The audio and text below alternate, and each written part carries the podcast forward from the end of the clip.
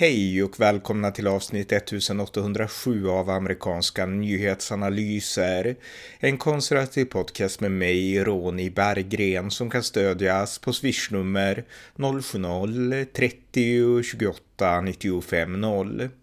Den amerikanska antikrigsaktivismen som starkt präglade George W. Bush krig mot terrorn under 2000-talet och i ännu högre utsträckning präglade Vietnamkriget har i princip lyst med sin frånvaro i förhållande till kriget i Ukraina. Men antikrigsrösterna finns och har nu börjat organisera sig. Här berättar jag lite om det. Varmt välkomna!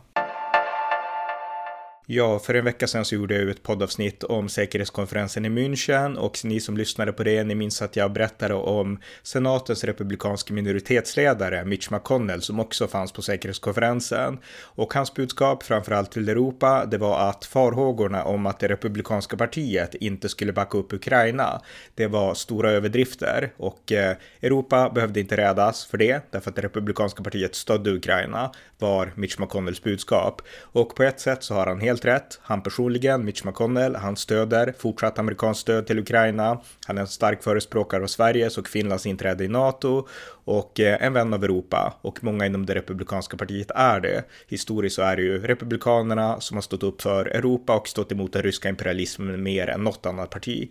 Så att eh, han har helt rätt på ett sätt, men samtidigt så finns det också en antikrigsfalang inom det republikanska partiet och den här falangen, den har nu börjat sluta samman delvis med vänsterns antikrigsfalang. Alltså vänstern hade ju en framträdande antikrigsfalang under George W. Bush presidentskap och kriget mot terrorismen. Då var det Cindy Sheehan och många andra som gick omkring i Washington DC och trummade och eh, krävde att krigen i Afghanistan och Irak skulle avslutas. Sen tynade den här rörelsen ut lite grann under Barack Obama därför att han eh, drog ner på krigsinsatserna, framförallt i Irak. Och eh, Eh, protesterna i USA tog då mer skepnad av Black Lives Matters och kom att handla om interna saker mer än krig utomlands. Eh, men under den här insatsen då mot Ukraina så har det ändå höjts vissa antikrigsröster.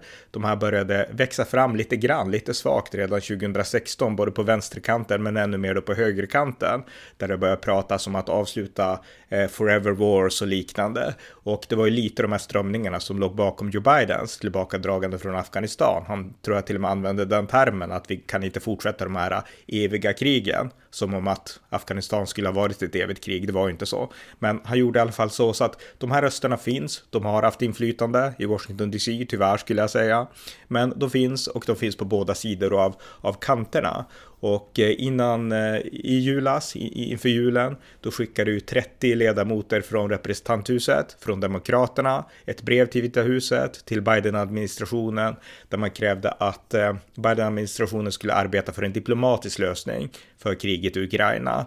Och eh, det här är ju orealistiskt därför att vi har att göra med en part som har invaderat ett oskyldigt land.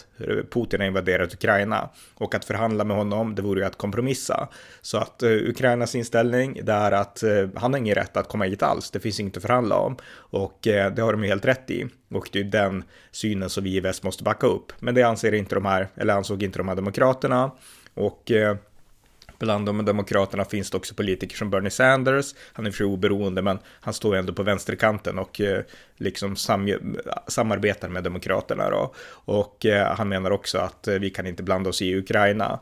Men de här rösterna finns, som ni redan vet, också på högerkanten. Och den 9 februari så introducerade den republikanska kongressledamoten från Florida, Matt Gates, han introducerade en resolution i representanthuset där han då krävde att eh, Biden-administrationen skulle upphöra med det finansiella stödet till Ukraina och även han manade då efter fredssamtal, vill han se. Och eh, den här, eh, han ansåg också att det här var en everlasting conflict, alltså det här går, pågår för evigt, alltså everlasting wars, som samma retorik som vänstern använde tidigare. Och eh, den här resolutionen, den backades upp av andra republikaner, av Andy Biggs från Arizona, av Lauren Boebert eh, av, från Colorado, av Paul Gosey från Arizona, av Mary Taylor Green från Georgia, av Anna Paulina Luna från Florida, av Thomas eh, Massey från Kentucky, av Mary Miller från Illinois, av Barry Moore från Alabama, av Ralph Norham från South Carolina och av Matt Rosendale från Montana. Så att det var ett antal andra republikaner som backade upp Matt Gates. Så att de här eh, antikrigsrösterna, om vi säger så, i en negativ bemärkelse, de finns även inom det republikanska partiet. Och eh, Eh, Mayor Taylor, Mayor Taylor Green då från Georgia, hon twittrade eh, för ungefär en vecka sedan att eh, Biden, han, gick, han reste inte till East Palestine i Ohio eh, på President's Day, eh, alltså på, för att då uppmärksamma den här tågolyckan i Ohio, utan han åkte till Ukraina, eh, ett icke-NATO-land skrev hon, eh, vars ledare är skådespelare och eh, som nu tydligen styr över den amerikanska militären för att eh, rikta in på ett världskrig. Så skrev Mary Taylor Greene om eh, att Biden reste till Ukraina. Eh, och hon sitter ju då i, eh, hon sitter nu i kongressens Homeland Security Committee och vi kan säga att Matt Gates, han sitter ju också i, eh, i kongressens eh, Armed Service Committee. Så att de här två tunga positioner inom kongressens eh, utskott som har att göra med militära och försvarsfrågor. Så att det är ju rätt, eh, ur mitt perspektiv då rätt skrämmande att de, de finns så högt upp. Och förr i världen så kom de här från vänsterkanten, det var vänster som lyfte in de här antikrigsaktivisterna Eh, i höga politiska positioner, men nu görs det från högerkanten. Och eh, det här är också i viss mån en Trump-falang. Det kommer vi att komma tillbaka till om en stund. Men återigen, de här rösterna finns både på vänsterkanten och på högerkanten. Och eh, den 18 Eh, februari, då var det så att Joe Biden, han satt inne på en restaurang i Washington DC och åt middag. Och då vart han störd av antikrigsaktivister. Det var en grupp som kom från Code Pink, en antikrigsrörelse, som eh, gick in på restaurangen. Det var nog en slump att, att Biden var där just då, men de såg i alla fall Joe Biden och de började ropa till honom att han skulle avsluta kriget. Lyssna på det här klippet som Code Pink har lagt ut. President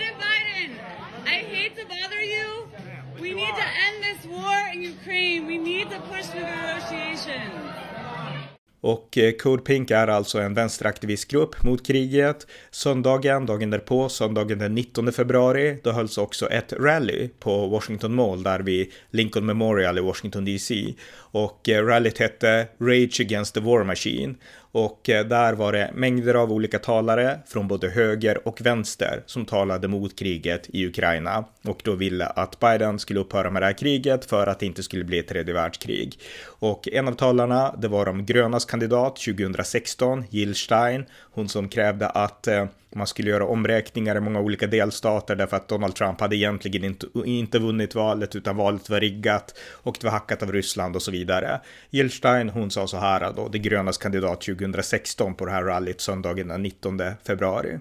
It is so wonderful to be here today to see us all across the political spectrum. We need a movement to overcome the powerful special interests behind the war machine. Left to its own devices, the war machine, with its proxy NATO, will destroy life on the planet. It is in the process of doing that right now. The U.S. has some 800 foreign bases, while Russia has about 30. Our so called war on terror continues in a mind boggling 85 countries. Do we hear about that? Not one bit. And the 100 billion we are spending to support war in Ukraine, that alone is greater than the entire annual Russian military budget. This murderous military spending consumes resources desperately needed here at home. U.S. imperial aims are clearly stated in our official military policy known as full spectrum dominance which leads to the second forbidden truth, namely that the US empire has been provoking war with Russia for decades. However murderous and illegal the Russian invasion is, and all wars are murderous and almost all wars are illegal, that Russian invasion was a provoked response to an even bigger, more murderous, illegal game plan of the US empire in which defeating Russia is just one small part. Och eh, Jill Stein, hon kommer ju då från den yttre eh, vänsterkanten, bortom det demokratiska partiet förvisso, men likväl vänsterkanten. En annan person som talade, det var Tulsi Gabbard. Hon har ju varit demokrat, men hon har gått mer mot, eh, hon har ju då inte gått mer till vänster, utan hon har börjat röra sig mot det republikanska partiet och mot den här eh, Trump-falangen, den nutida Trump-falangen kan sägas då, eh, Kerry Lake och de här andra. Och Tulsi Gabbard, hon sa så här. Aloha. Those people who work in our nation's capital eagerly continue to escalate tensions, eagerly wage new Cold Wars. This was ultimately the thing that caused me to run for president in 2020 because I first century and that there was a clear choice in that election. We're either going to work towards peace, de-escalate tensions, move away from this new Cold War, or we will continue to race rapidly towards nuclear brink toward a new Cold War with Russia, a new Cold War with China, and therefore racing towards nuclear war. Now, for those of you who remember that election, this issue was not important to the media. They refused to talk about it, they refused to raise the question in the debates. There was no other candidate willing to talk about this issue. It was not important to them then, and it's not important to them now. And so here we are, two short years later. What I warned about then is now our reality. And here's the insanity of it all we have talking heads on TV, we have politicians, we have very powerful people speaking with a straight face, well, that if Putin decides to use tactical nuclear weapons, here's what we're going to do, as though such a war could ever be won. They're living in this archaic mindset of World War I and World War II and not facing the realities that we have today. There is no way to win a nuclear war. There is only one end, and that is a nuclear holocaust. We have people gathered here from all over the country, people who are gathered here from all ends of the political spectrum. But the one thing that we do agree on that brings us together here today is that we value life. We must set aside our differences, work together to fire those warmongering politicians from both political parties who serve their masters in the military industrial complex instead of serving the people. Och eh, sen har vi då den klassiska antikrigsaktivisten på just på den republikanska kanten, den som var mest känd i, i, i den här falangen innan Trump gjorde liksom intåg på scenen och det var Ron Paul, den här libertarianen från Texas. Och eh, Ron Paul sa så här. But I think that uh... They, we can deal with the war issue very simply. And believe me, and I'll explain it more why I believe this, that the answer is end the Fed.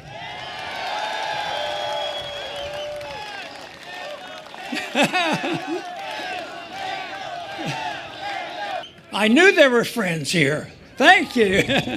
no, and there's a reason why ending the Fed, Fed is a, is a, uh, a movement towards stopping these wars. How do they finance them? They have to tax the people. Well, they tax them with income taxes and, and all kinds of taxes, but they never have enough money. They never have enough money, so um, they have to borrow a lot of money, and then people get tired borrowing the money and loaning the money to the government.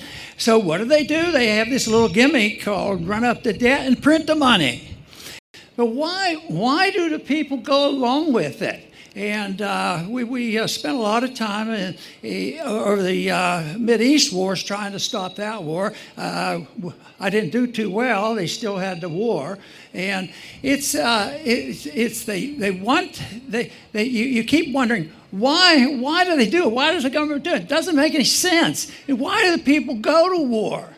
You know, one thing I'd like to suggest is if we ever got around to thinking that we ought to vote on the wars instead of let an executive order take us to war, we ought to have a vote. If you think you should have a war, have a vote and make sure that the vote is carried out by the people between 18 and 24. That, that is the group that gets punished the most Och eh, på det här rallyt då, Rage Against the, the War Machine, så kunde man se olika flaggor. Man kunde se ryska flaggor, man kunde se Sovjetflaggor. En kvinna där ropade Free Assange, alltså Free Julian Assange, som ska utlämnas till USA. Jag har inte tänkt med i detaljerna där, men Eh, det var många sådana budskap. Det fanns skyltar där det stod Biden is the Nord Stream bomber. Alltså det har kommit ut en artikel om att USA kanske låg bakom sprängningen av Nord Stream. Den stämmer inte. Det finns inget som tyder på det, utan det är en enskild artikel av en fattare som eh, jag kan prata om mer i ett annat. Men, men det här har fått i alla fall stort uppsving bland många som nu, eh, ja, antingen är proryssar eller liksom har de här konspirationsaktiga eh, synen på USA, att USA styrs av en djupstat och så vidare som gör liksom konstiga saker när skuggorna och dikterar världen på sina sätt.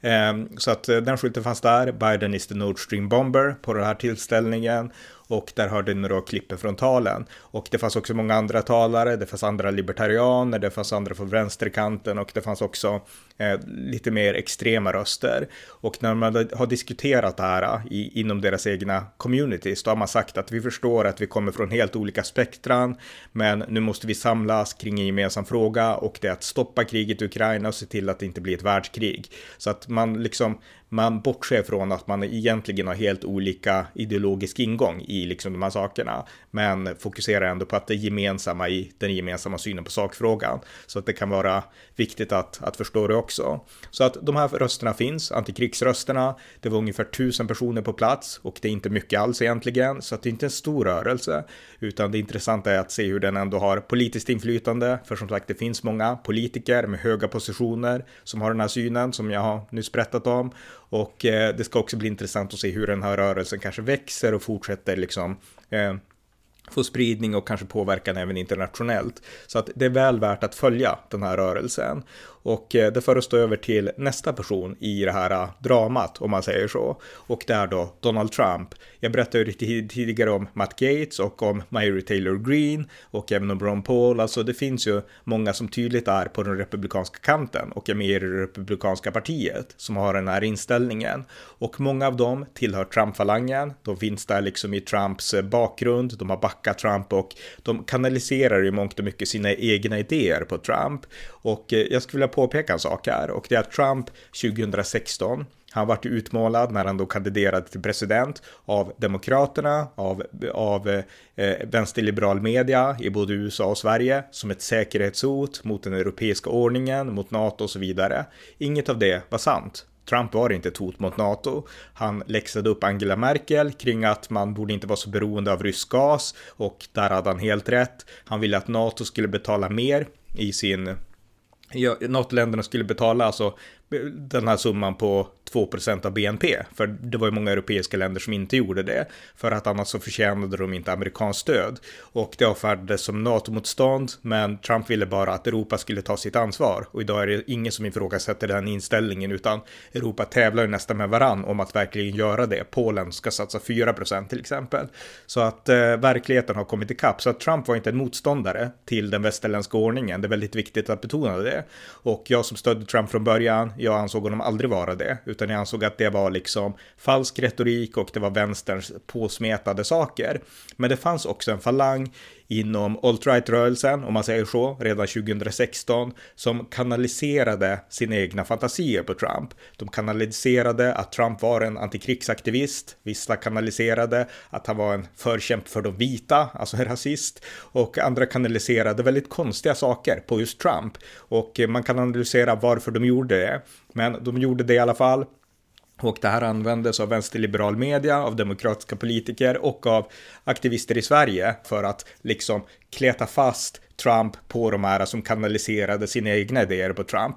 David Duke från KKK, han stödde Trump, alltså är Trump också KKK och så vidare. Alltså man gjorde väldigt konstiga associationer, guilt by association och så vidare, som var felaktiga på Trump. Och tittar vi på den politik som Trump drev så drev han en tydlig, stark försvarspolitik. Det finns inget att klaga på där i princip, men det är vissa små saker. Så att det här var överdrifter. Men det som hände sen, och speciellt i början med presidentvalet 2020, det var ju att de här rörelserna, fringe-rörelserna, som till exempel Qanon, som då betraktade Trump i princip som en frälsare och som har en massa konspirationsteorier och är helt galna. Eh, det här var ju en rörelse som inte hade så mycket med Trump att göra egentligen. Men Trump insåg att de här talar gott om mig. Och då började han själv känna sig smickrad och han började i viss mån tala gott om dem. De är emot pedofiler, det är väl bra ungefär. Men i grunden så var det ju att han smickrades av att de liksom på något sätt avgudade honom. Det var ju lite så. Och Trump har fortsatt på det spåret även liksom tiden efter. Och alla rörelser som tycker bra om Trump, de tycker Trump bra om. Och nu när Trump är inne i en ny presidentkampanj som utan tvekan kommer att, alltså han har goda chanser fortfarande såklart att vinna den republikanska nomineringen. Men det är ju inte samma drag nu som det var 2020 för Trump, det är det inte. Utan han ja, speciellt efter att det har gått så dåligt i midterms. Så Trump han har nu ett intresse av att själv spela med i de här äh, falangerna som älskar honom och som är hans fortsatta kärnväljare det är ju inte mittenväljare Trump försöker locka nu, utan det är kärnväljarna och det är just sådana här som Mary Taylor Greene, Bob Gates och många andra. Så att han kan inte gå för långt i mitten, utan nu måste han spela med i de här rösterna och i antikrigsrösterna och bli mycket mer radikal åt fel håll i mitt tycke än han var 2016 och än han var som president. Så att Trump rör sig ut i, ut i de här mer fringe Eh, markerna, skulle jag säga nu, mycket mer än han gjorde förut. Då var det en nidbild att säga att Trump gjorde det, nu är det lite mer en sanning. Och ett exempel på det, det var ett tal som Trump höll, um, ungefär i samband med att de här antikrigsprotesterna tog vid och han kunde se liksom att det finns en rörelse mot kriget i Ukraina.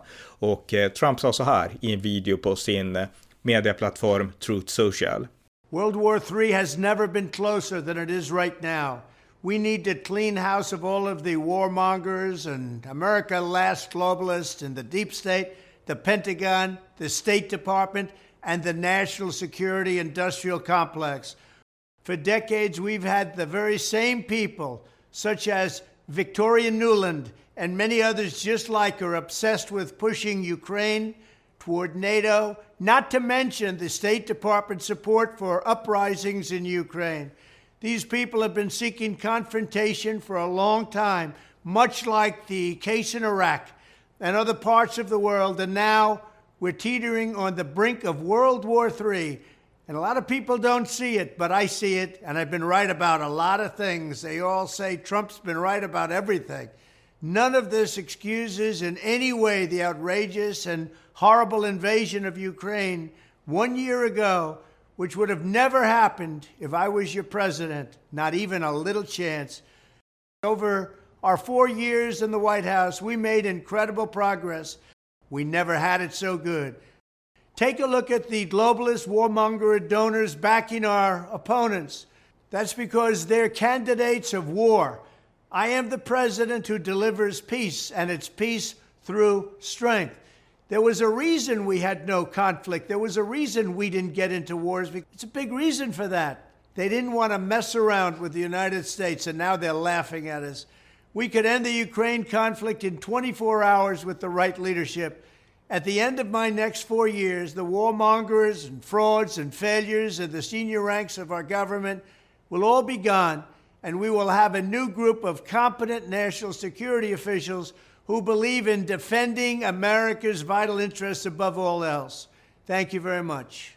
Så där har ni Trump som då spelar med i de här antikrigsrösterna med den antikrigsretoriken, pratar om globalister och så vidare. Och där gjorde inte Trump på samma sätt 2016 eller 2020. Det är väldigt viktigt att förstå det. Men nu spelar han med i det här och eh, han säger ju vissa saker här som är sant, att liksom man behöver vara en stark ledare, peace through strength, helt sant. Det var Ronald Reagans inställning. Men det är exakt det som han då eh, backar från när det gäller stödet till Ukraina. Därför att de vill ha en fred genom att visa styrka, inte genom att kompromissa med, med Ryssland. Så att eh, Trump pratar kanske preventivt, att om USA hade varit stark tidigare, om Biden inte hade blivit president, så hade det här inte hänt. Och det kanske kanske sant. Men nu är vi ju där vi är och eh, ska man då börja kompromissa nu istället? Alltså man måste ju ta, bygga politik där man befinner sig nu. Det spelar ingen roll vad som skulle ha hänt eller inte hänt om Trump hade fortsatt styra, utan vad skulle han göra här och nu? Och där blir han ju mycket mindre tydlig, utan där, här handlar det mer om att nej, men vi kan inte kanske backa Ukraina på det här sättet. Så att här och nu backar han ju, men han vill inte ta på sig ansvaret för det, därför att nu är det ju inte han som är president, utan Biden. Så att, eh, och Trump har inte alltid visat styrka heller. Till exempel så 2019 när Trump mycket effektivt hade liksom verkligen trappat upp och besegrat Islamiska staten. Och eh, för en svensk, eh, eh, för svenska lyssnare måste det verkligen betonas att det var Trump personligen som till stor del var ansvarig för att USA krossade Islamiska staten. Han ska ha supermycket cred för det. Eh, det var Trumps förtjänst. Under Obama så hade man visserligen trappat upp kampen mot Isis, men det hade gått väldigt sakta. Och det var Trump som liksom verkligen ledde, anförde kampen mot Islamiska staten och tillsammans med kurderna låste in tusentals jihadister i Al-Hol-lägret och i Syrien, däribland många svenskar. Och eh, Eh, Eh, det gjordes effektivt. När det var slut sen då, då beslöt Donald Trump att dra tillbaks alla amerikanska soldater från Syrien av den enkla anledningen att han vill inte fastna i eviga krig. Och det här gjorde att den här alliansen, den här kurdiska alliansen SDF, som bestod både av kurder och av kristna och av alla egentligen som motsatte sig Isis, en väldigt demokratisk och framgångsrik allians, den krossades därför att nu när USA lämnade så gick eh, Turkiet, Erdogan, han gick in i Syrien och han började slå ner på kurderna och på SDF. Så att SDF fick sluta kämpa mot Isis därför att de var nu tvungna att försvara sig mot Erdogan. Så att eh, det här hade kunnat undvikas om Trump bara hade lämnat kvar några amerikanska soldater för att eh, Turkiet skulle aldrig anfalla liksom amerikanska soldater. Men det gjorde inte Trump utan han sa att de här kriget i tusentals år, det är inte våra problem. Så att han gjorde ungefär där samma sak som Biden sen skulle göra i Afghanistan. Istället för att lämna några tusen som bara skulle stabilisera läget så drog drog man sig tillbaka och allt föll samman. Lite så var det. Så att Trump har inte alltid visat styrka. Det är viktigt att komma ihåg det. Samtidigt som man också måste komma ihåg att han drev en bra utrikespolitik och eh, han var tydlig i väldigt många avseenden. Men just det här peace through strength, det här klassiska republikanska Reagan, George W. Bush-doktrinen, eh, den har inte applicerats vare sig av Biden eller av Trump. Så att man måste få det här helhetsperspektivet. Så att eh, där har ni liksom situationen här och nu. Det finns en antikrigsrörelse i USA, den är fortfarande liten och den har oproportionerligt stort politiskt inflytande genom de här från vänsterkanten i kongressen men också de här från högerkanten.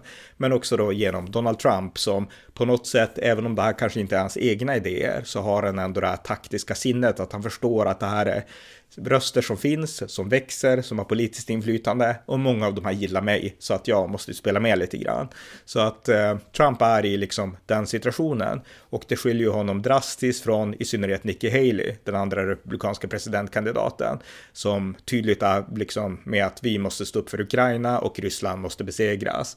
Och eh, även Floridas guvernör Ron DeSantis, han är ju lite också inne på Trump-spåret att vi måste vara försiktiga med Ukraina och så vidare. Så att eh, det finns utan tvekan underströmmar här, även från republikanskt håll. Och eh, de toppolitikerna, de spelar med i det här och låter sig svepas med. Och jag tycker att det är beklagligt, det är synd att det är så, men det är likväl så det förhåller sig. Och eh, det kan vara värt att fortsätta hålla ett öga på antikrigsaktivismen i USA, hur den utvecklas och så. Och eh, här har ni fått då en introduktion till den nutida amerikanska antikrigsaktivismen. Tack för att ni har lyssnat på amerikanska nyhetsanalyser. En konservativ podcast som kan stödjas på swishnummer 070-30 28 95 0 eller via hemsidan på Paypal, Patreon eller bankkonto. Skänk också gärna en gåva till valfri Ukraina-insamling som ni har förtroende för. Vi hörs snart igen. Allt gott tills dess.